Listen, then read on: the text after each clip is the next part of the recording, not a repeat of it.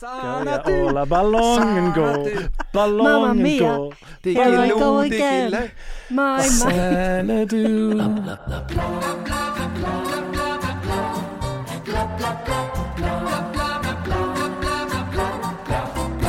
Nå livner det i Lunder, og nå nærmer prisen på bensin seg 30 kroner literen. Og strømmen er hysterisk dyr, og mat blir dyrere, og rentene stiger, og aksjesparingen går i dass. Ja ja, på den positive sida. Anyone? Noen noe? Nei? Jan har fått korona. Det er bare én ting å gjøre. Sett deg opp i kølla. holde La ballongen gå.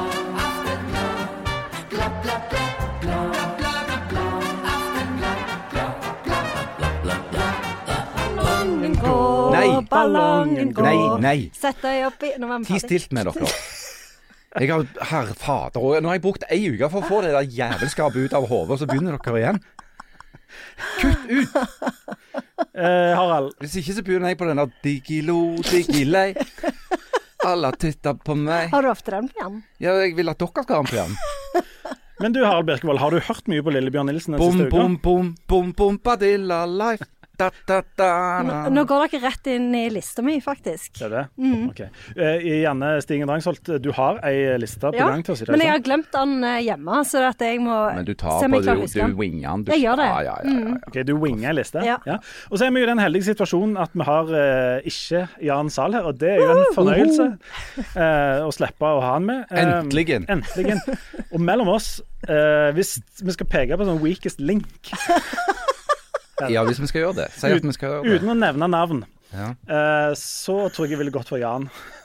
ja, uten å nevne navn. Ja. Ja, så vil jeg jo ha, absolutt ha gått for Jan. For det, det som skjedde for tre kvarter siden, var at eh, Jan meldte at han var eh, nede for telling med den svært populære sykdommen og tidens melodi.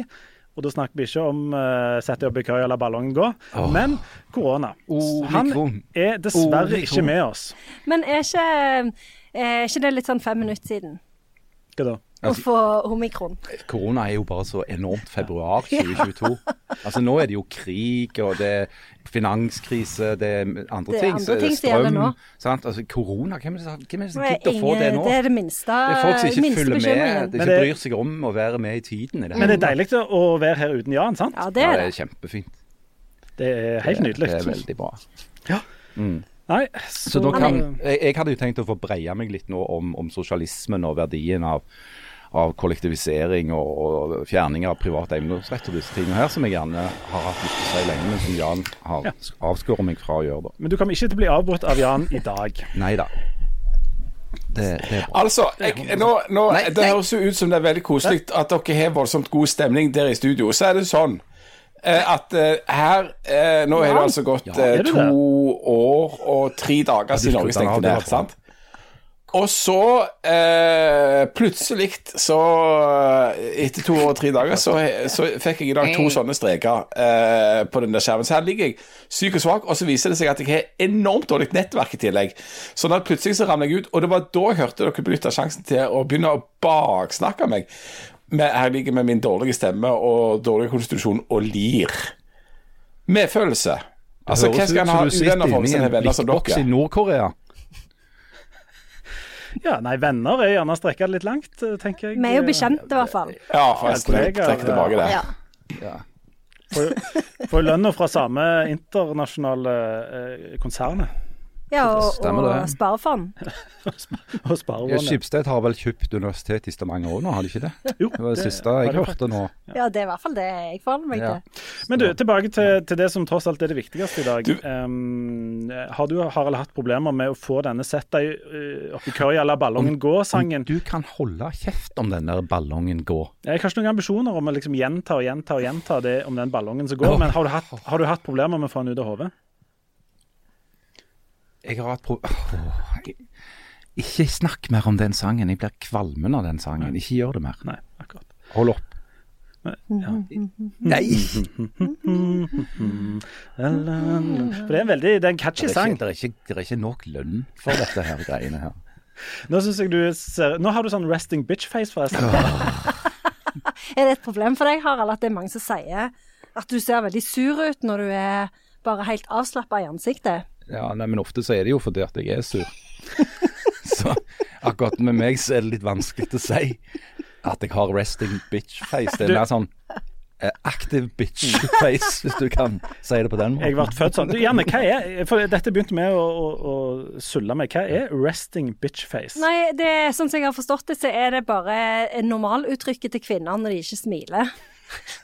Noen kvinner. Nei, alle. Alle? Ja, fordi at jeg eh, leste jo en artikkel på NRK i går det, som handla om resting bitch face, og hvor det var eh, et par kvinner som sto fram og sa at når de hadde bare hatt et avslappa ansiktsuttrykk, så hadde de gjentatte ganger blitt eh, møtt med liksom 'Hvorfor er du så sur?' og eller 'Hvorfor er du så redd?'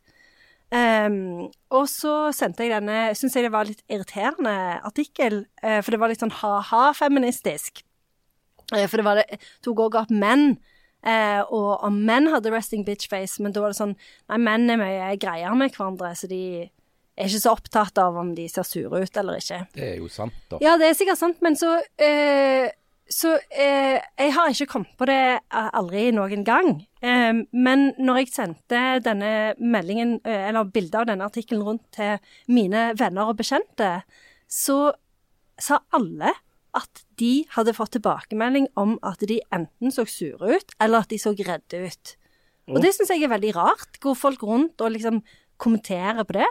Syns jeg er veldig unødvendig. Og personlig har jeg aldri fått den kommentaren, men det er jo fordi jeg smiler hele tida. Absolutt hele tida. For å skjule hvor redd jeg er. ja, for å skjule panikken. Ja, nemlig. Ja, men altså, jeg har jo forstått det sånn at dette med dette fenomenet resting bitch face da, har jo blitt en ting blant sånne influensere og kjendiser og sånn òg, som eh, Jeg vet ikke hva de gjør, om de klager på det, eller om de bare liksom slår det fast som et faktum at de, de har det. Men jeg har jo sett mange av disse kjendisdamene da som har blitt omtalt i f.eks. i Dagbladet. da. Jeg leser jo ikke så mye kjendisstoff, men Dagbladet er jo en evig kilde Må til følge med. svineriet. Og der har det jo stått om dette, at den og den sier det er Angela Jolie eller er, Kim Kardashian. Det har, liksom, her har du mitt resting bitch face. Jeg bare syns at det er litt rart at det fins som konsept. At det er noe sånn OK, hvis du har bare et nøytralt ansiktsuttrykk, at det har fått merkelappen resting bitch face. Og uansett om det er noen sånn influenser som liksom skal eie dette, så syns jeg at det er et problem at det fins. Men jeg, jeg, mitt klare inntrykk var jo ikke, var jo ikke sånn at dette, for alle damer ser ut sånn når de ikke smiler, men at noen gjør det. det er sånn, altså, og Jeg kan jo kanskje snakke litt for egen del, da. For det, jeg er jo, ofte får jo jeg høre at å, du burde smile mer. Ja. Men jeg bare generelt, på et helt generelt grunnlag så mener jeg at det ikke er så mye grunn til å smile. uh, og jeg har rikelig med bevis å føre i marken for at det ikke er noe særlig grunn til å smile. Eh, men altså, det jo, betyr jo bare at folk er, altså, noen er litt mer alvorlige enn andre, da. ikke sant? Ja, men jeg skjønner ikke hvorfor det skal kommenteres på. Men er det, Det kan jeg ikke forstå. damer kommenterer jo alt om hverandre absolutt hele Jo, men det var ikke kvinner særlig- nødvendigvis som hadde kommentert på men er dette. Men en, er dette en damegreie? Ja, jeg vet ikke. Jeg har aldri hørt om det før. Altså, jeg har hørt at resting bitchface fins, men jeg var ikke klar over at dette i så stor grad var noe som Det er ikke bare en damegreie. kommenterte For eksempel, er det største resting bitch-face jeg kan forestille meg. Nå tror jeg vi skal være veldig forsiktige med hvor vi går hen her. Nei, det er, jo, det er jo trynet til Vladimir Putin. Ah, Ja, han det kan ser være. altså, Der har du et resting bitch-face der. ikke Men sant? la oss gå til, til den av oss som har mest, mest ekspertise på dette med den eh, moderne kvinnen, nemlig Jan Sahl. Ja, det passer Jan, hadde veldig du hørt om dette? Har du, hadde du hørt om dette resting bitchface før f.eks. for, for tre kvarter siden? Nei, jeg hadde aldri hørt om det, så det, det kom jo som et eh, sjokk og en bombe på meg. da. Det er jo eh, framfor alt et symptom på, på dette underlige med at alt må kommenteres og mases om absolutt hele tida. Men jeg eh, får jo stort sett beskjed, når jeg bare er helt vanlig her hjemme, i hvert fall spesielt, at jeg er så sur. Men jeg er jo bare vanlig. Sånn at dette skulle være igjen den typiske er sånn eh, Janne professor, da, at alt skal være sånn et problem for de stakkars kvinnene. Men uh, vi som er vanlige menn, vi er jo sure med hvis vi bare er vanlige. Og sånn som Harald òg. Altså, han er jo eller han er, han er jo sur, da, liksom. Men det er jo sånn vi lagde. Men- Jeg, men- jeg jeg, nettopp Jeg husker, jeg har jo ikke jeg fortalt den historien her i dette studioet om når datteren min skulle presentere meg i den nye barnehagen. Nå Fortell den igjen. Jeg skulle fortelle, altså Hun hadde begynt i ny barnehage, helt på slutten av sin barnehagekarriere. Og så ble hun liksom spurt ja, fortell litt om deg sjøl. Så fortalte hun litt om deg sjøl, og så litt om kanskje mamma og pappa. eller noe sånt. Så fortalte hun masse om mora, om hva hun gjorde, og alt slags sånn, og hvor glad hun var. og sånn, Så sa ingenting om meg. Og så må de liksom hale det ut. Nei, men pappa, da, er det ikke noe du kan si om han? Og så tenkte hun seg om ganske lenge. Så sa pappa Ja, nei, jeg vet ikke. Han er ganske tjukk, og så sover han mye. og det er jo ikke feil. Det er jo en faktaopplysning. Ikke sant? Det er det. Men det var liksom det Kan jo ikke akkurat rubriseres som en positiv tilbakemelding. Jeg må si det at jeg fikk dette opp eh, beskjed om at jeg òg framsto som veldig sure av eh, mine døtre. Som jo ikke har særlig sansen for meg generelt, og det er jo greit. Men grunnen til at jeg var sur, det var at jeg skrev Jeg brukte punktum i tekstmeldinger. Å, det hater de. Ja, for det ser ut som du er Da Da blir de helt galne. Hvis du altså, for eksempel- avslutte en, periode, en. Ja, ja, ja. periode, er, da er du sur. Altså- Det har jeg fått så mye kritikk for. Det er middag klokka fem. ja, punktum. Punktum. Punktum. Ja. Det betyr hvis ikke du er hjemme til fem, så, så, så blir du arveløs. Ja. Ja, det er jo, men jeg, jeg syns jo ikke at punktum er Da blir du arveløs. Jeg syns det er et nøytralt. Ikke Eh, men da er det sånn, hvis jeg skriver det, det, så skriver de 'Hvorfor er du så sur?' Jeg har fått samme beskjeden! Så punktum, det er Ja. tegnsettingens resting bitch face. Mm. Ja. Men hvis du er eh, Det er, verste er jo, og det reagerer jeg på sjøl, og det har vi snakket om før, OK punktum. Det er det verste som fins. Og det det er merker jeg jo er veldig surt. Og Jeg mener smile-blunkefjes er det verste som finnes. det er jo bare at du er psykopat, og det er jo noe helt annet. Det er psykopattegnet. La oss Ja. gå til den av oss som har mest ekspertise i dette med moderne ungdom, nemlig Jan Zahl. Får du beskjed om at du er sur hvis du bruker korrekt tegnsetting? Jeg får jo generelt beskjed om at jeg er sur, eh, og det er helt uavhengig av tegnsetting og hva jeg sier og noen ting som helst. Hvis jeg bare snakker i vanlig sånn mannlig toneleie, så fikk jeg beskjed om at jeg ser så sint ut, og, at jeg ser dessuten så enormt sur ut, og, og hva jeg er så sur for. Eh, og så jeg, jeg, men jeg har prøvd å innføre dette med å bruke eh, punkt om å og, og masse sånne ting, eh, men, men vi kommuniserer veldig lite på tekstmelding. Akkurat. Jeg heiv inn et semikolon en gang i en tekstmelding til en av ungene og fikk beskjed hva, hva er det? Det trodde de du skulle adoptere dem vekk, Ja, det var jo det. det var... og det er biringt. Og Hvorfor vil du adoptere oss vekk, far? Ja. Men om jeg kan få lov å spørre om noe? Ja. For jeg syns, Jan, dette er et spørsmål til deg. Du høres, ikke, du høres litt sånn grudgen ut. Ja, du gjør det, Jan. Hvordan, hvordan er det det? Vi vil gjerne ha en rapport fra liksom, koronaens rike. Hvordan, hvordan går det egentlig med deg? Ja, jeg er, det er som jeg har fått noe grus i halsen, så det, så det er godt jeg ikke synger. Eh, så, så det er smerte i halsen, og så, jeg, så sover jeg enormt dårlig. Eh, og det jeg det trodde at var ja, men nå har jeg sovet ekstra dårlig på en helt ny måte, og så, og så lukter det og smaker helt vanvittig i kjeften. Eh, og så har jeg vært litt sånn geléaktig i, i en del muskler og i magen.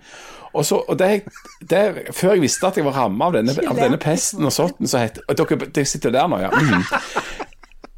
Du ligger på det Så- siste.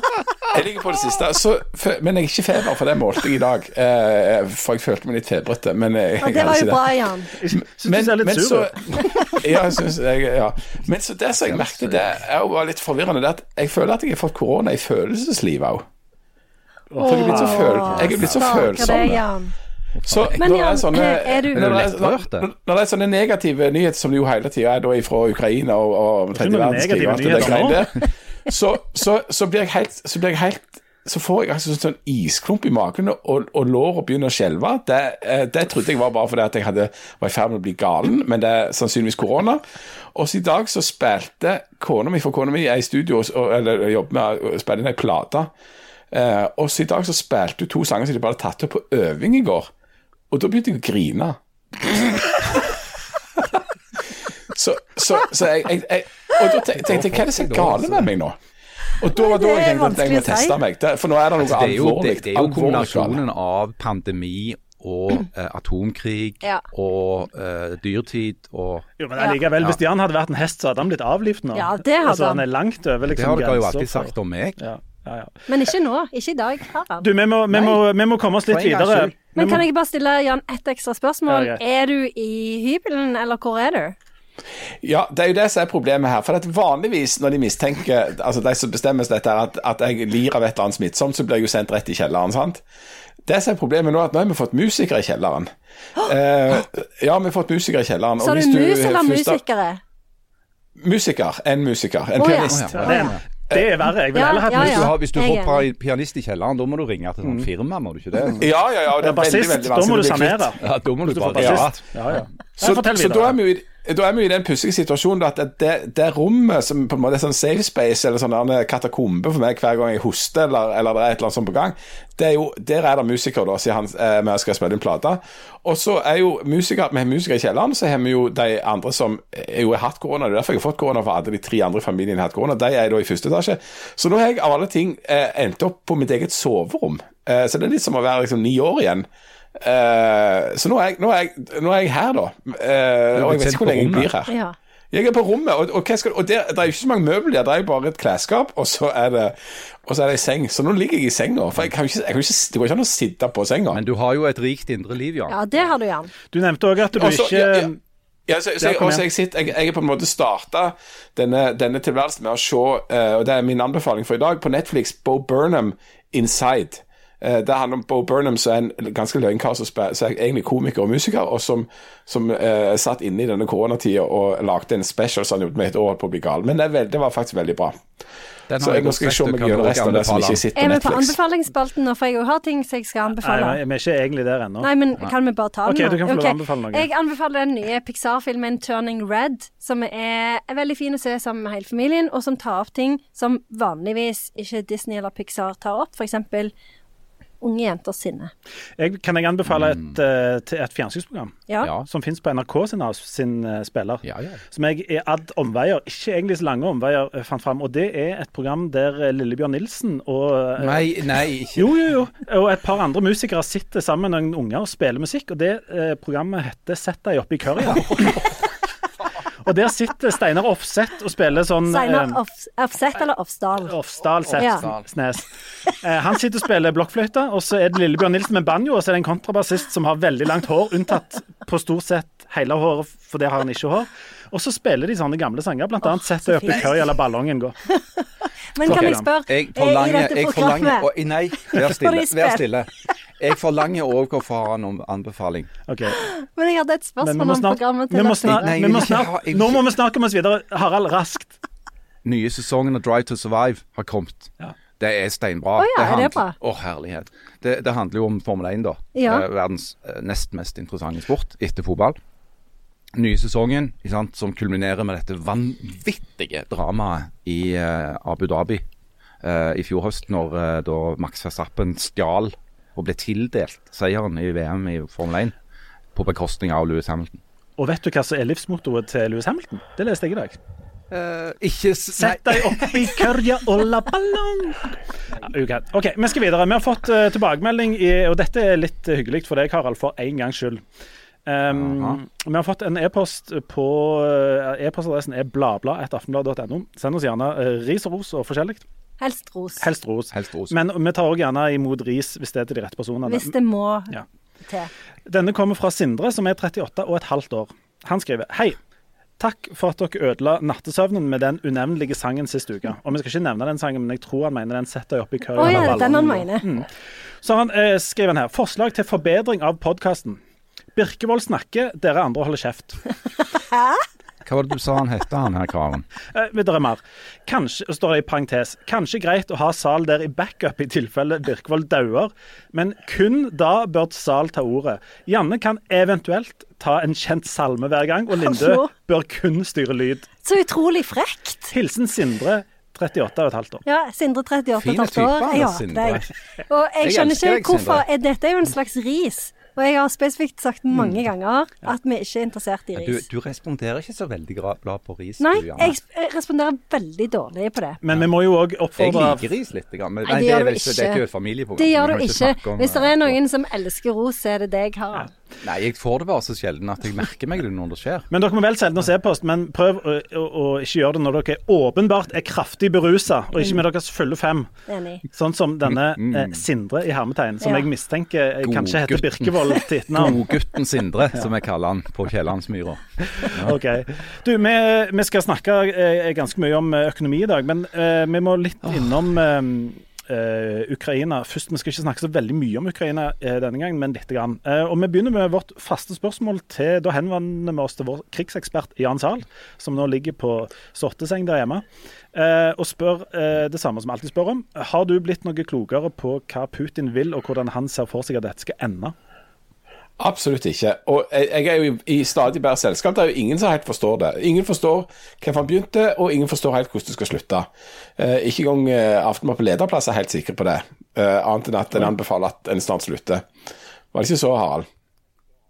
Jo. Um, Nei, nei, nei og altså, altså, altså, det, det det virker jo som han er Altså, alle sier at han har gjort en kjempetabbe, men han, de holder jo bare på. Så, ja. Ja, men det, altså, det er jo fortsatt early days, da, Jan. Eh, denne her eh, konflikten er jo på vei liksom, til å bli tre uker gammel nå. Og eh, det har jo vist seg, det er jo åpenbart at det har tatt lengre tid eh, enn det Putin trodde å få gjennomført dette. Det ble jo bl.a. røpt når de slapp den der eh, nyhetsmeldingen de ikke skulle ha sluppet om hvor raskt og effektivt denne her militærtekniske operasjonen hadde forløpt. De har gått seg fast i en hengemyr. har blitt overraska over motstanden både internt i Ukraina og den relativt bastante motstanden de har fått fra det vi kan kalle Vesten i gåseøynene. Mange, mange har jo misforstått det begrepet Vesten, akkurat som det betyr Vest-Europa og USA. Men Japan er en del av Vesten. Australia er en del av Vesten. Men Hva kaller de egentlig resten? Liberale demokratier har uh, stått opp og snakket med mer eller mindre med én stemme mot dette her. Med ett stort unntak, da. Verdens største demokrati, eh, India, har jo latt være å ha noen offisiell mening om krigen. Hvorfor det? Tror det har med at i, de, i løpet av de siste årene så har Russland blitt en viktigere handelspartner for India. Men det har òg politiske årsaker som du må trekke helt tilbake igjen til kolonitiden osv. Og det tror jeg ikke vi har tid til. Nei. Men du, i, i disse dager kommer det jo òg eh, eh, ganske mange ukrainske flyktninger til Norge. Yep.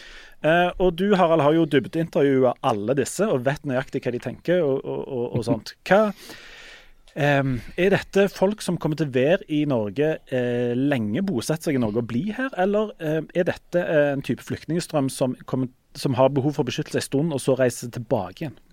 Altså, Ukraina var jo til, for inntil 20 dager siden et velfungerende relativt, demokrati. Relativt, relativt velfungerende. Ja, det var et, Men- det var et men- skikkelig land. Et ordentlig land, men òg et land som har vært prega av store politiske motsetninger eh, og mye dramatikk i løpet av de siste åra. Hvor landet har veksla mellom å ha en russiskvennlig eh, ledelse, f.eks. under Viktor Janukovitsj, som jo ble avsatt under disse demonstrasjonene i 2014, eh, til å ha en nokså russisk, om ikke russisk fiendtlig, så iallfall nasjonalistisk ukrainsk ledelse. Eh, særlig da kanskje i form av den forrige presidenten, Petro Porosjenko. Eh, så, og, og Dagens eh, president i Ukraina, Volodymyr Zelenskyj, han er jo eh, i en spesiell situasjon. For det. han er en russisktalende jødisk eh, president fra den østlige delen av Ukraina.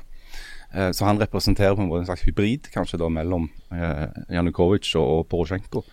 Eh, men, men altså flyktningene som kommer nå, det er jo i all hovedsak eh, kvinner og barn. Fordi at eh, Akkurat som i Norge så har Ukraina allmenn verneplikt. Så når de har blitt invadert, så er det den fordømte plikten til alle menn mellom 18 og 55 å melde seg til tjeneste. Det ville vært helt likt i Norge hvis vi hadde blitt invadert av Sverige eller Russland. Så flyktningstrømmen ligner jo ikke helt på den flyktningstrømmen vi har f.eks. sett eh, når det gjelder flyktninger og migranter fra eh, Asia og Nord-Afrika, eh, som jo har vært overveiende menn. Ikke, ikke bare, men mange menn. Eh, her er det veldig mye kvinner og barn. Eh, og spørsmålet om hvor lenge de blir altså, eh, det, det nærmeste eksempelet vi har i tid i Europa, er jo det som skjedde i Bosnia. Krigen i Bosnia fra 1991 til 1995. Eh, det er anslått at ca. 600 000 bosniere forlot landet under den konflikten. Eh, det er relativt sett i forhold til folketallet, så det er nokså likt altså det som i, har skjedd til nå i Ukraina. Eh, og mange av de ble jo værende, men det var fordi at krigen varte så lenge. At mange slo røtter i Norge i løpet av alle de årene det tok før Bosnia ble et land det var mulig å vende tilbake til. Eh, sånn at jeg tror at når det gjelder hvor mange som blir og hvor mange som drar hjem, så vil det avhenge av hva som skjer i Ukraina. Og hvor lang tid det tar. Ja, for det, Hvis Ukraina blir til Hviterussland uten eh, noen form for liberalt demokrati, uten ytringsfrihet, med en stagnert økonomi, massearbeidsledighet og sånne ting, så har de jo ikke så veldig mye å vende tilbake til. Du nevnte ytringsfrihet. Um, og jeg tenkte jeg skulle høre med deg, Jan. Du um, har jo reist uh, bokstavelig talt verden rundt uh, for å skrive om ytringsfrihet. Som er et sånn et uh, høytflygende festtaleord som vi ofte slenger rundt oss med. Og, um, nå ser vi f.eks. i Russland, et land der det på ingen måte er ytringsfrihet, um, hvor uh, vel gale det kan gå. Um, hva tanker gjør du deg om ytringsfrihet og pressefrihet og sånt når du ser hvordan Putin styrer, og hva konsekvenser det får? Men du ser jo alt det som alle advarer mot i alle festtaler rundt ytringsfrihet og demokrati, det ser du nå spille ut i praksis i, i, Russland. Og det har jo blitt advart i mange mange år. Mange har vært kritiske til utviklinga i, i, Russland.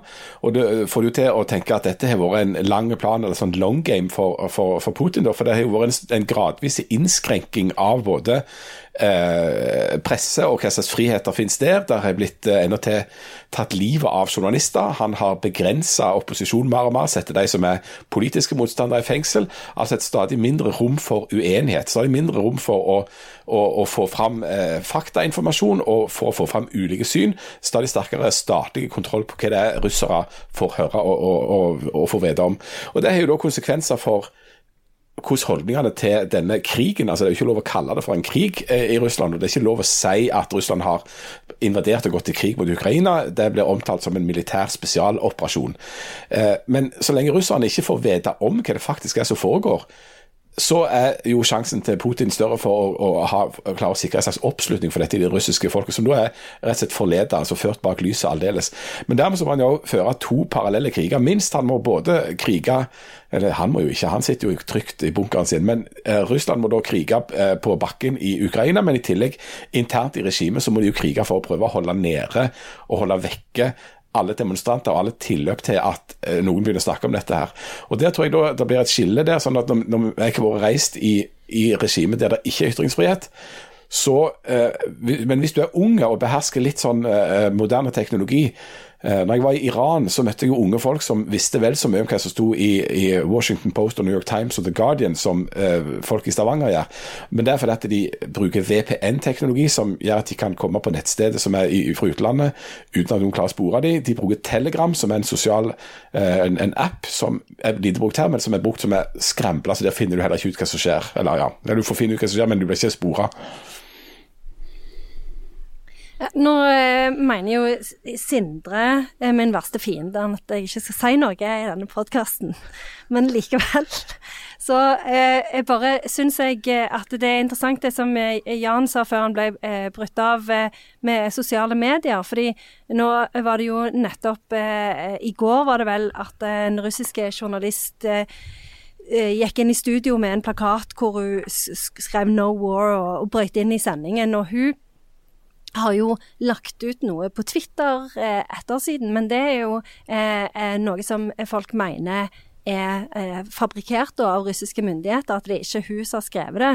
Så det er jo veldig interessant å se hvordan Eh, altså, du kan heller ikke stole på sosiale medier, selvfølgelig. Altså, det kan du jo selvfølgelig ikke, men det er interessant å spille og se på den kompliserte rollen sosiale medier spiller i, i eh, kommunikasjonen her. Og så så jeg jo òg at eh, i USA så har jo 30 av de mest populære tiktokerne blitt, blitt invitert til Det hvite hus for å bli brifa om USA sin strategi og hva dette, denne krigen egentlig går ut på.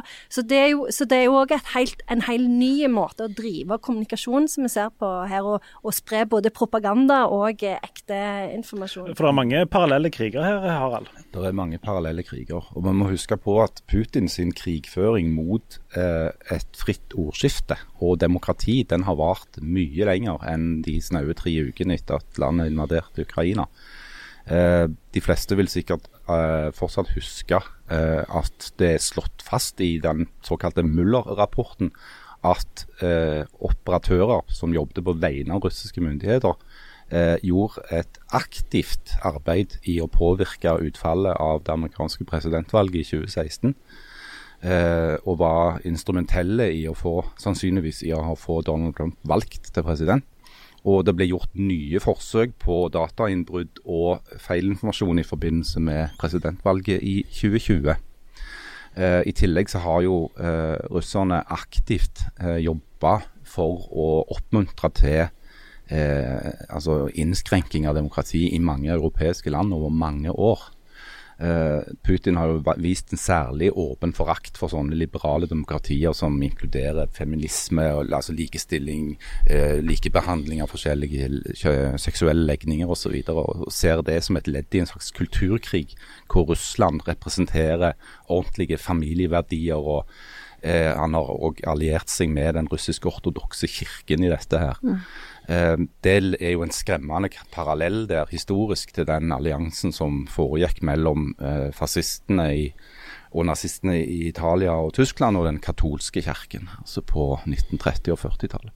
Men det er jo òg interessant å tenke på det historisk sett, for hvis en ser på første verdenskrig f.eks., og den propaganda, den massive propagandaen som pågikk i England for å holde krigen gående, så var det jo sånn at det var jo ingen hjemme som skjønte hva som skjedde i skyttergravene.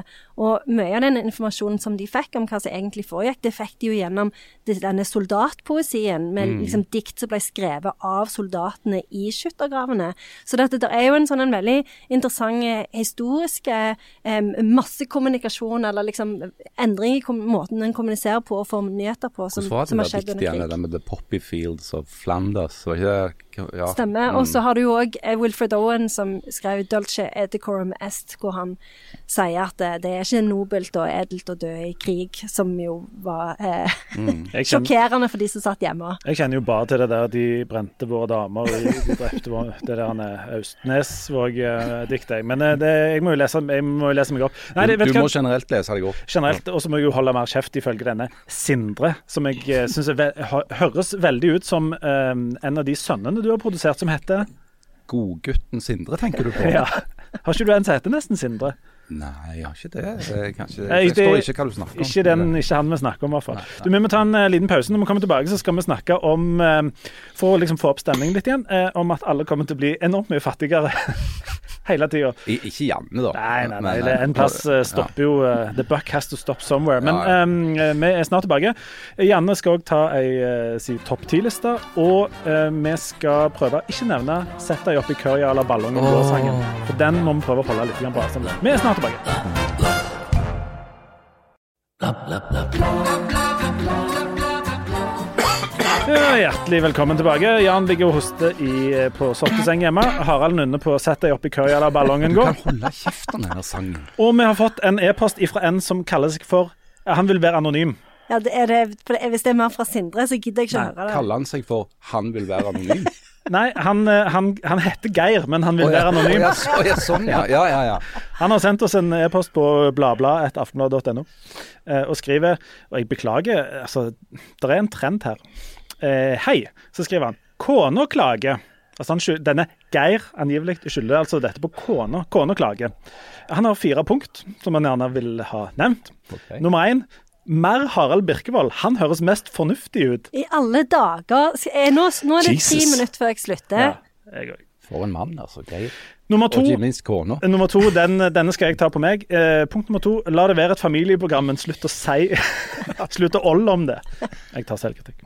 Det kan jo være greit å minne om sjangeren, syns jeg. Jeg mener det. ja. Eh, nummer tre, kutt ut den fæle munntrompetspillinga av Spanish Flea. Tar ingen selvkritikk på, faktisk. Jeg liker han ingenting Nei. i denne podkasten. Hvorfor høre denne Geir, som vil være anonym på det? Eh, og nummer fire, eh, at det er best når alle fire er med, og helst ingen andre. Unntatt hans eh, Hans Petter Hansen har skrevet. Jeg kommer snart igjen, Det kan jo umulig stemme. Ola Paloma Blanc. Så avslutter han eh, Geir, som da vil være anonym, med ellers takk for en super podkast. Akkurat passe lengde til en kjøretur til byen. Um, og det er, vi takker hjertelig for det. Elegant å skylde på kona. Ikke hjertelig, akkurat. Vi takker ikke hjertelig for det. Vi holder med et enkelt takk. Og hvis resten av familien til Harald Birkevold har lyst til å sende oss e-poster, så trenger dere ikke kamuflere de lenger, for vi skjønner jo hvor dette Jeg er veldig kommer glad i kona til Geir. Men han må jo bo ganske langt. Han må jo bo ganske langt vekke denne gangen hvis den akkurat passer på for å kjøre ut til byen. Altså, varer de én time? Da bor han jo sånn i Egersund eller, eller i, Ja, i liksom på kjørerom. eh, På kjørerom. Etne eller Kan vi noe. gjøre han tar om Oanes? Det kan være han kjører om Oanes, og den ferja går jo aldri. Jeg syns at både Sindre og Geir var noen masefolk. Men nå skal vi kombinere. Nå skal vi ta, eh, la Geir få en, viljen sin på én, og ikke viljen sin på en annen. Nå skal vi ha tre kjedelige minutter med Harald Birkevold. Åh, hva skal Um, det være om i dag? I dag skal vi snakke om, vi skal snakke om økonomi, så da kan du få lov å Oi. snakke fritt om eh, oljepengebruk. Oi, nei. Kan du noe om det? Ja, litt. Ja, det kan du. Vil du ha sånn intro? Det er jo ikke frivillig.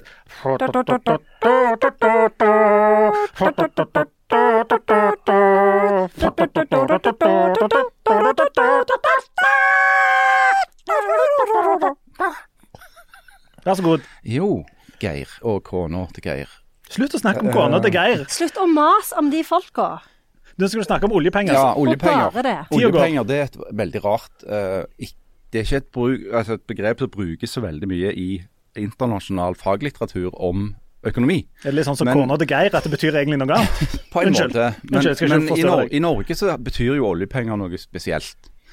For det at uh, noen, bl.a. en som akkurat nå er sjef i Nato, men som skal komme hjem igjen og bli sjef i Norges Bank, han har lagd en regel som heter, eller kalles for handlingsregelen. Uh, som handler om hvor mye oljepenger det er lov å bruke i det norske statsbudsjettet. Eh, og de oljepengene, da, det er jo på en måte de pengene som Norge tjener på eh, olje- og gassvirksomheten ute der i Nordsjøen og Norskehavet og i Barentshavet rundt forbi. Eh, de pengene, noen av de pengene tjener Norge direkte. Eh, noen tjener, tjener de ved hjelp av at oljeselskapene betaler skatt og sånn. Og det er jo fryktelig mye penger. Altså Oljefondet de har riktignok tapt seg litt i det siste. Et par, ja, Rundt en 1000 milliarder forsvant vel sånn pga. Uh, Putin. Eh, men det er jo fortsatt 12 000-13 000 milliarder som står der da, og koser seg på konto. Det vil si de står investert i aksjer og verdipapirer over hele verden. Norge er en av verdens største aksjonærer. Eh, der er oljepengene. Og Debatten om oljepenger handler om hvor mange av de oljepengene skal vi bruke innen i Norge. Eh, frykten, som da bl.a. Jens Stoltenberg ga uttrykk for i en eh, veldig høyt premiert eh, hovedfagsoppgave i samfunnsøkonomi, er at hvis du bruker for mange av de, så blir det inflasjon. Altså at pengene blir mindre verd. Og det vil en helst unngå. For det som skjer da, er at Norges Bank må sette opp renta. Og det er akkurat det som Norges Bank er i ferd med å gjøre nå. Den renteoppgangen som er varsla, og som allerede er så vidt i gang, handler om å gjøre det mindre attraktivt å bruke penger og mer attraktivt å spare de. Eh, det er ikke gode nyheter for norsk eksportindustri. For eh, hvis norske kroner blir mer verd, de blir jo det for utlendinger hvis det er høye renter i Norge, for da får du mer penger igjen for å eie norske kroner, eh, så vil norske varer bli dyrere i utlandet. Så inflasjon er på mange måter noe svineri eh, hvis du er økonom, men òg hvis du er et helt vanlig menneske. Hvis du f.eks. er et vanlig menneske som har veldig mye penger, så ble jo de mindre verd når det var inflasjon. Så oljepengebruk er i norsk økonomi helt avgjørende for å forstå hvordan statsbudsjettet virker, f.eks.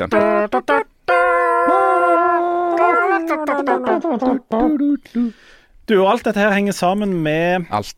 Alt henger sammen med alt. Nå er det jo sånn at eh, bensin- og, og dieselprisen er føk i været. Mye pga. krigen. Mye pga. krigen, men ikke bare. Nei. Strømmen er blitt enormt mye dyrere det siste halve året. Litt pga. krigen, men ikke bare pga. krigen. Langt ifra bare pga. krigen. Maten er blitt ganske mye dyrere, og kommer til å bli varsla at den blir mye dyrere. Men Det er iallfall ikke bare pga. krigen. Nei. Eh, aksje, det er mange nordmenn som har eh, spart eh, litt penger i aksjer, som er blitt mindre verdt, Ja, Blant annet pga. krigen. blant annet. på grunn av Men ikke bare på grunn av Ikke krigen. bare. I tillegg så har jo den norske staten brukt enormt mye penger i koronaen. Ja. Og alt dette er jo blitt en sånn herlig suppe eh, som gjør at folk flest har eh, ligger an til å få dårligere råd framover. Er det sånn? Eh, Jan, du er jo òg fagforeningsmann. Kommer jeg til å ha dårligere råd om et år enn det jeg har i dag? Ja, Det er det veldig mye som tyder på. Jeg, det jeg egentlig skulle gjort i morgen, mens jeg jo ikke får gjort noe siden jeg ligger her, det var at jeg skulle reist på tariffkonferanse i Norsk Journalistlag som en slags forberedelse til lønnsoppgjøret. Og når en skal Høres altså, ha lønnsoppgjør Ja ja, det er to dager du ikke får igjen. Det vil si, nå skal jeg tilbringe det i ei seng er her istedenfor. Men Bare sette seg opp i køya eller ballongen går det.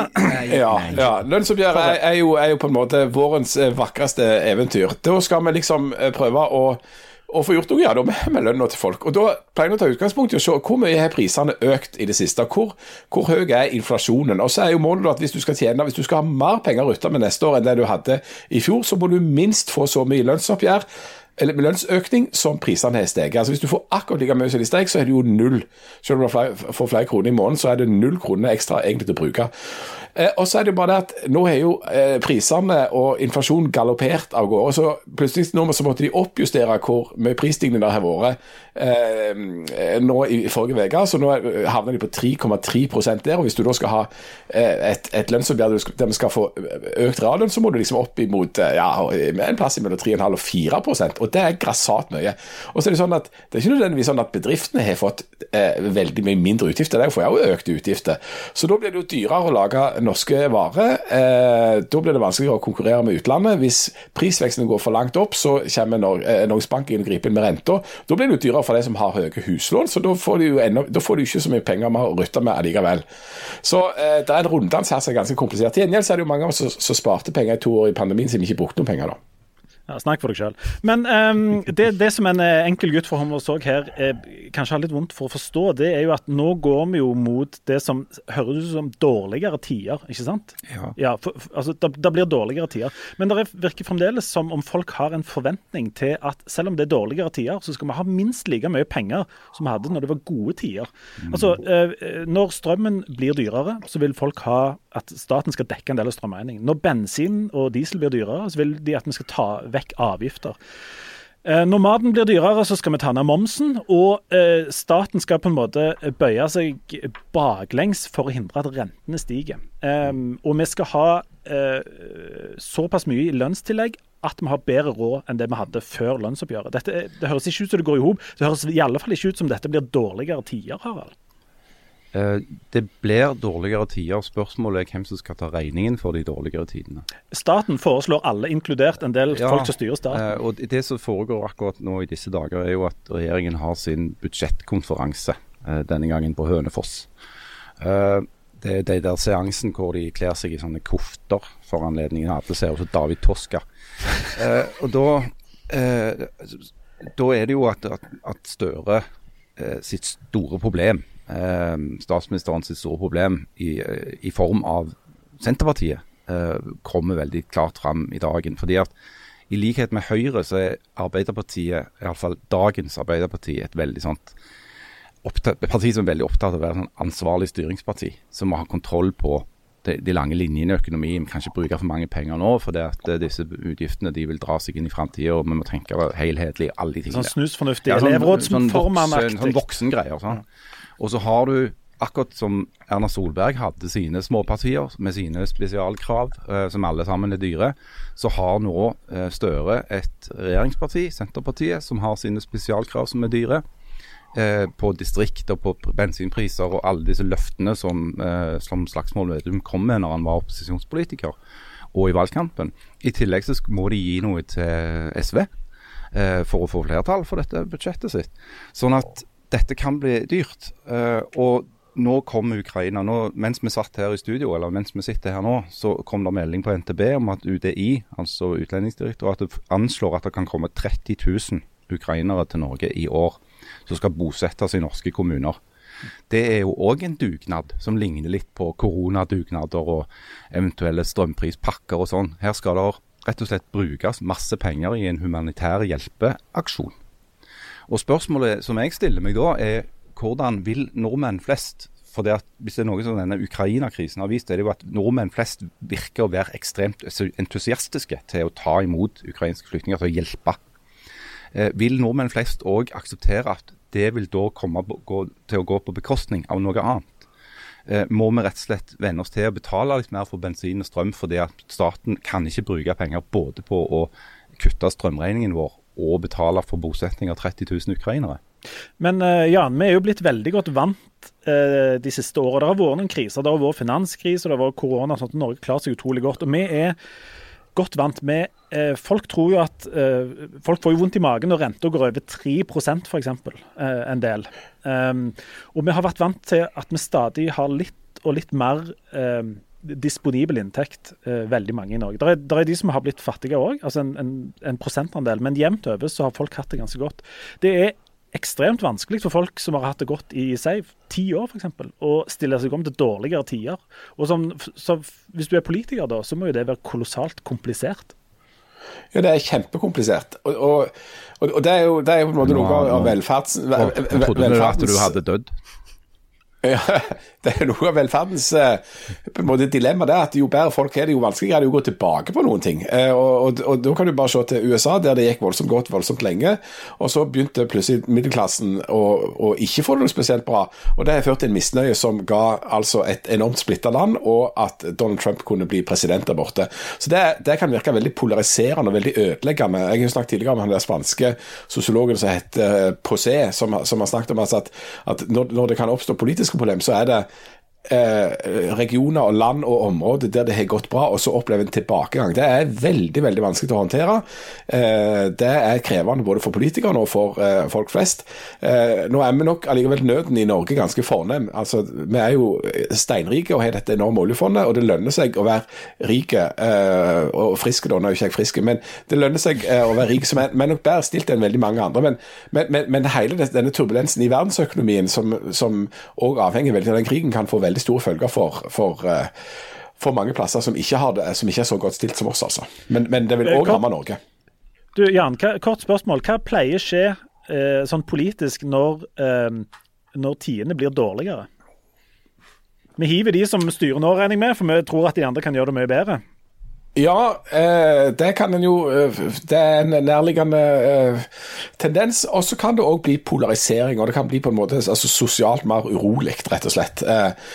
igjen, jeg tror ikke vi på en måte havner der for, for vår egen del, men, men, men nedgang og ustabilitet skaper ustabilitet og uro i, i befolkningen. og og, og, og, eh, det kan ofte åpne for bare sånne populistiske løsninger. Altså lette eh, løsninger tilsynelatende på kompliserte problem, som jo heller aldri går. Ikke helt uenig med Jan i det. Eh, men så er det sånn at det kommer litt an på hva, hva slags krise.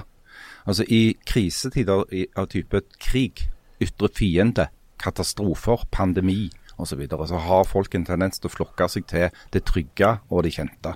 Altså de, de kjente politikerne, de kjente styringspartiene. Eh, andre typer kriser, som går på f.eks. økende ulikhet, eh, kulturkrig, eh, religiøse motsetninger og sånt, det kan skape mer polarisering. At folk, eh, at det dukker opp nye partier så da, dere hørte det her først. Eh, partiet Sentrum kommer til å gjøre et brakvalg, ifølge Harald Birkevold. Eh, det er ikke akkurat det, det, mest populistiske rabulistpartiet Altså ikke det FNs nei, bære, de, de bærekraftsmålene til FN, det er noe tabloide ja, greier. Det er krutt. Men eh, for det er jo sant det med at det Og, og det um, handler jo litt om å ta eh, kontroll over fortellingen, da. Altså hva slags fortelling er det? Er det fortellingen om en ytre fiende, eller er det fortelling om, om folk som har svikta her på innsida? Og eh, Joan Didion har jo skrevet en del om hvordan den amerikanske fortellingen har eh, svikta folket og ført til den polariseringen som en ser i USA i dag. Og dette er jo noe hun begynte å snakke om allerede på 80-tallet, når hun var på valgkampturné sammen med, med, med, med Clinton, for eksempel, eller Bill Clinton.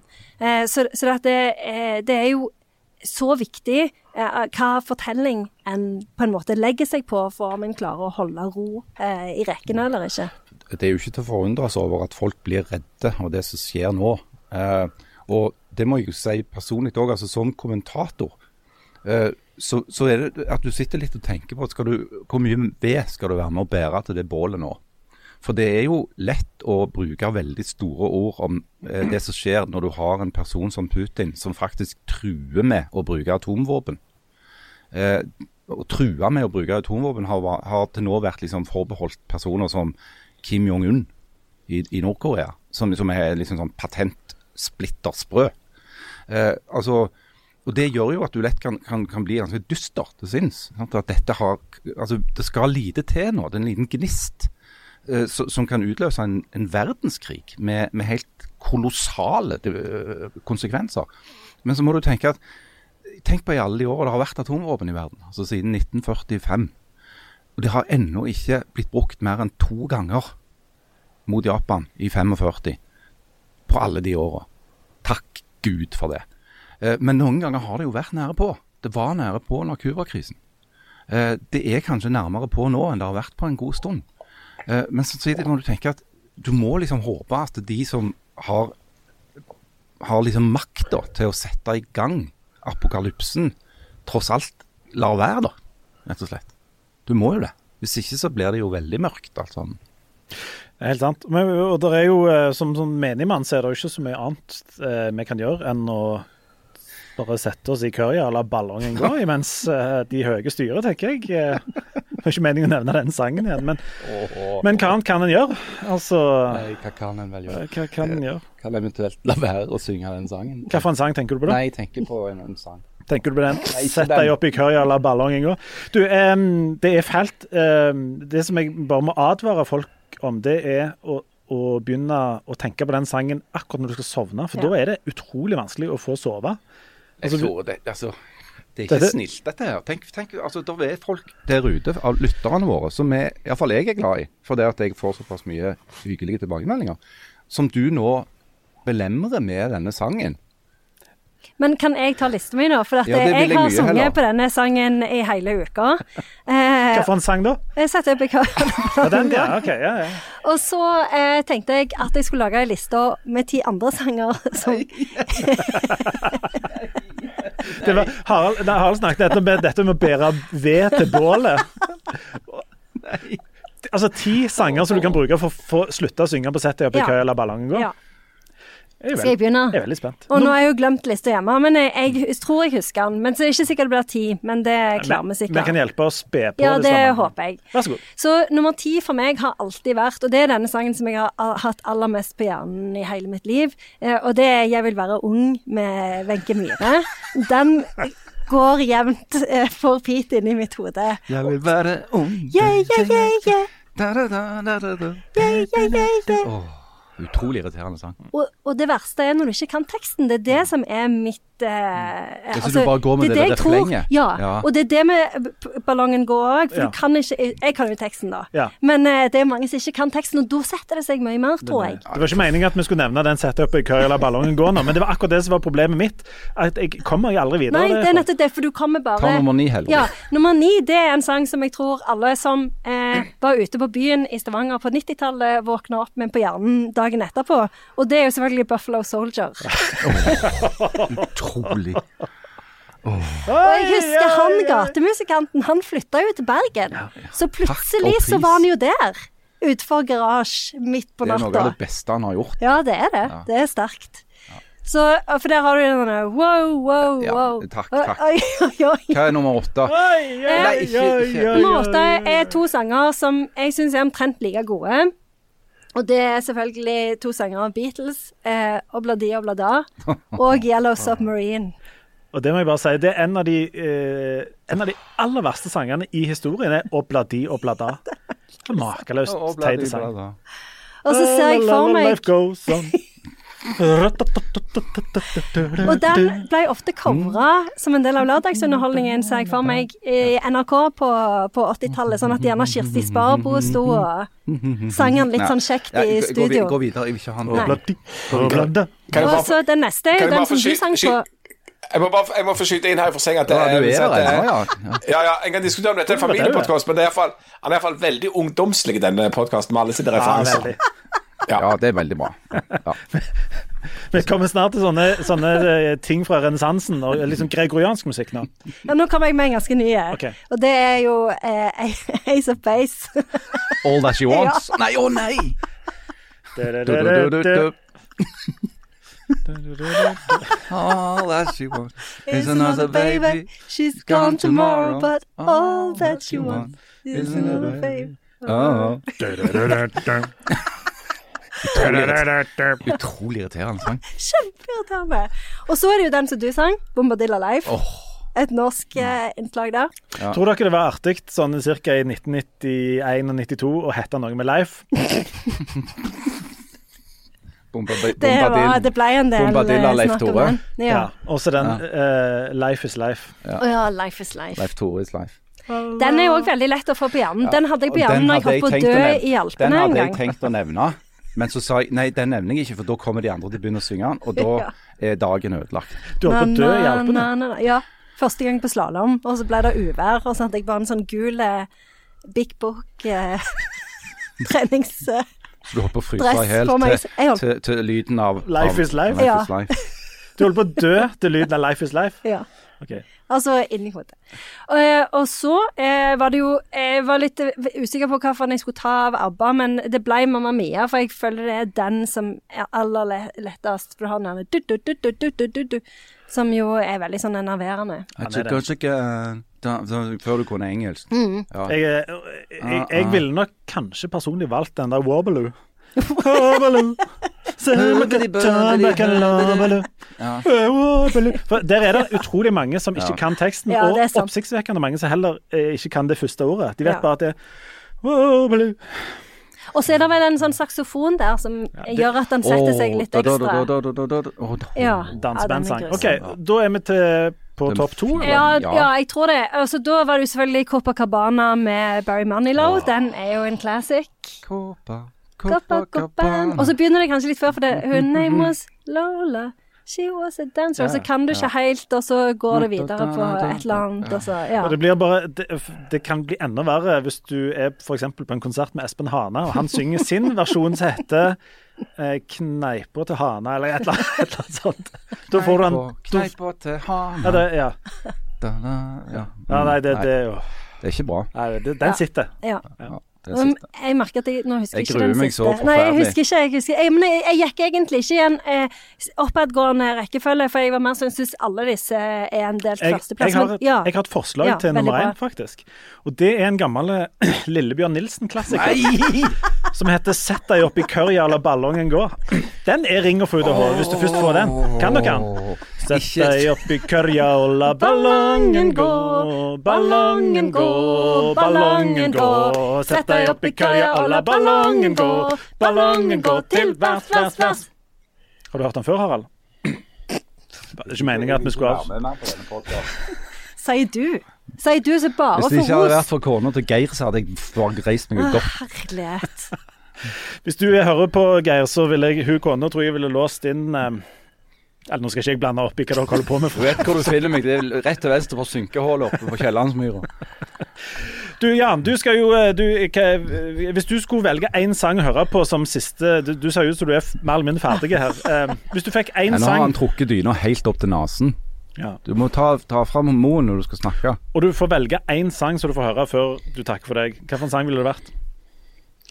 Så liksom så du får på, på hjernen sånn der. Ja, Så du har med deg inn i evigheten, på en måte? Nærmere deg, min Ja, inn i, inn, inn i evigheten så tror jeg jeg vil gå for Sanadu. Sanadu, ja. Hæ? Er det fra Gris? Kjempesang. Nei, det er jo en egen film. En egen film? Med ja. rulleskøyter. Er ikke det den ABBA? Den, den er du. Er ikke det hun der Olivia Newton? Nei, Jo. det er Olivia Newton-John. Ja. Var det på alvor? Ja ja, det, det er en kjempefin å gå inn i evigheten med. oh. Hvis du fikk eh, valget mellom å på en måte eh, havne i, i helvete med Sanadu eller i himmelen med den sett deg opp i køya og la ballongen gå, eh, hvilken dør hadde du valgt? Jeg hadde alltid valgt Jeg vet ikke. Jeg, uansett, selv Han er ikke god nå. nei. Nei, og til himmelen, Jeg til himmelen kommer du jo ikke uansett. Jeg, Jeg hadde tatt Nei, nei. der nede. Ti av ti ganger. du Hadde det. Ja. All right. Du, vi må, eh, vi må avslutte for i dag. Eh, vi lyser jo fred over ditt minne, Jan. Eller vi snakkes neste gang. Jeg tviler Ja, vi får håpe det. Nei. Han ser Ja. ring ut. Han ser ikke god ut. Ikke. Må huske å få i deg nok væske igjen. Skal jeg så Får godt du jeg kan. serv får du noe service uh, av de du bor med? Ja, jeg, jeg fikk Sympati, jeg, har fått litt jeg har fått litt service og så litt sånn eh, sympati på avstand. Uh, De står og ser på meg på litt sånn avstand og sier! For jeg var jo sånn serviceinstitusjon for det, alle de tre andre når de hadde det. Men uh, nå ligger jeg her i ensomhet. Å ja, for alle har hatt det utenom deg. Du har jo Ja, ja. og greier. Men du klarer Ja, jeg har ikke leselampe, så det er ikke måte på.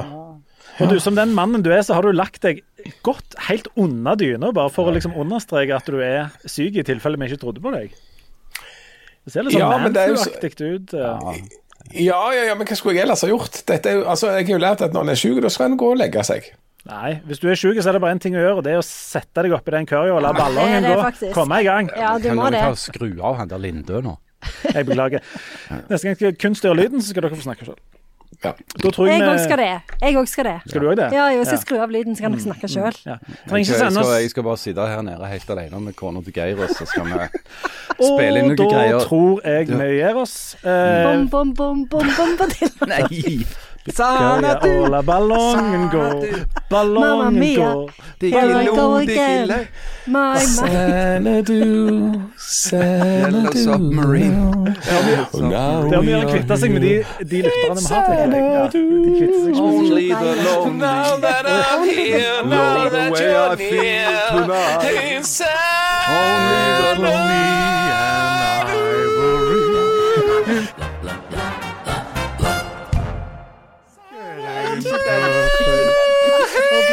Nei, og kjempe så høyt. Life goes on. Belinda, til Moss.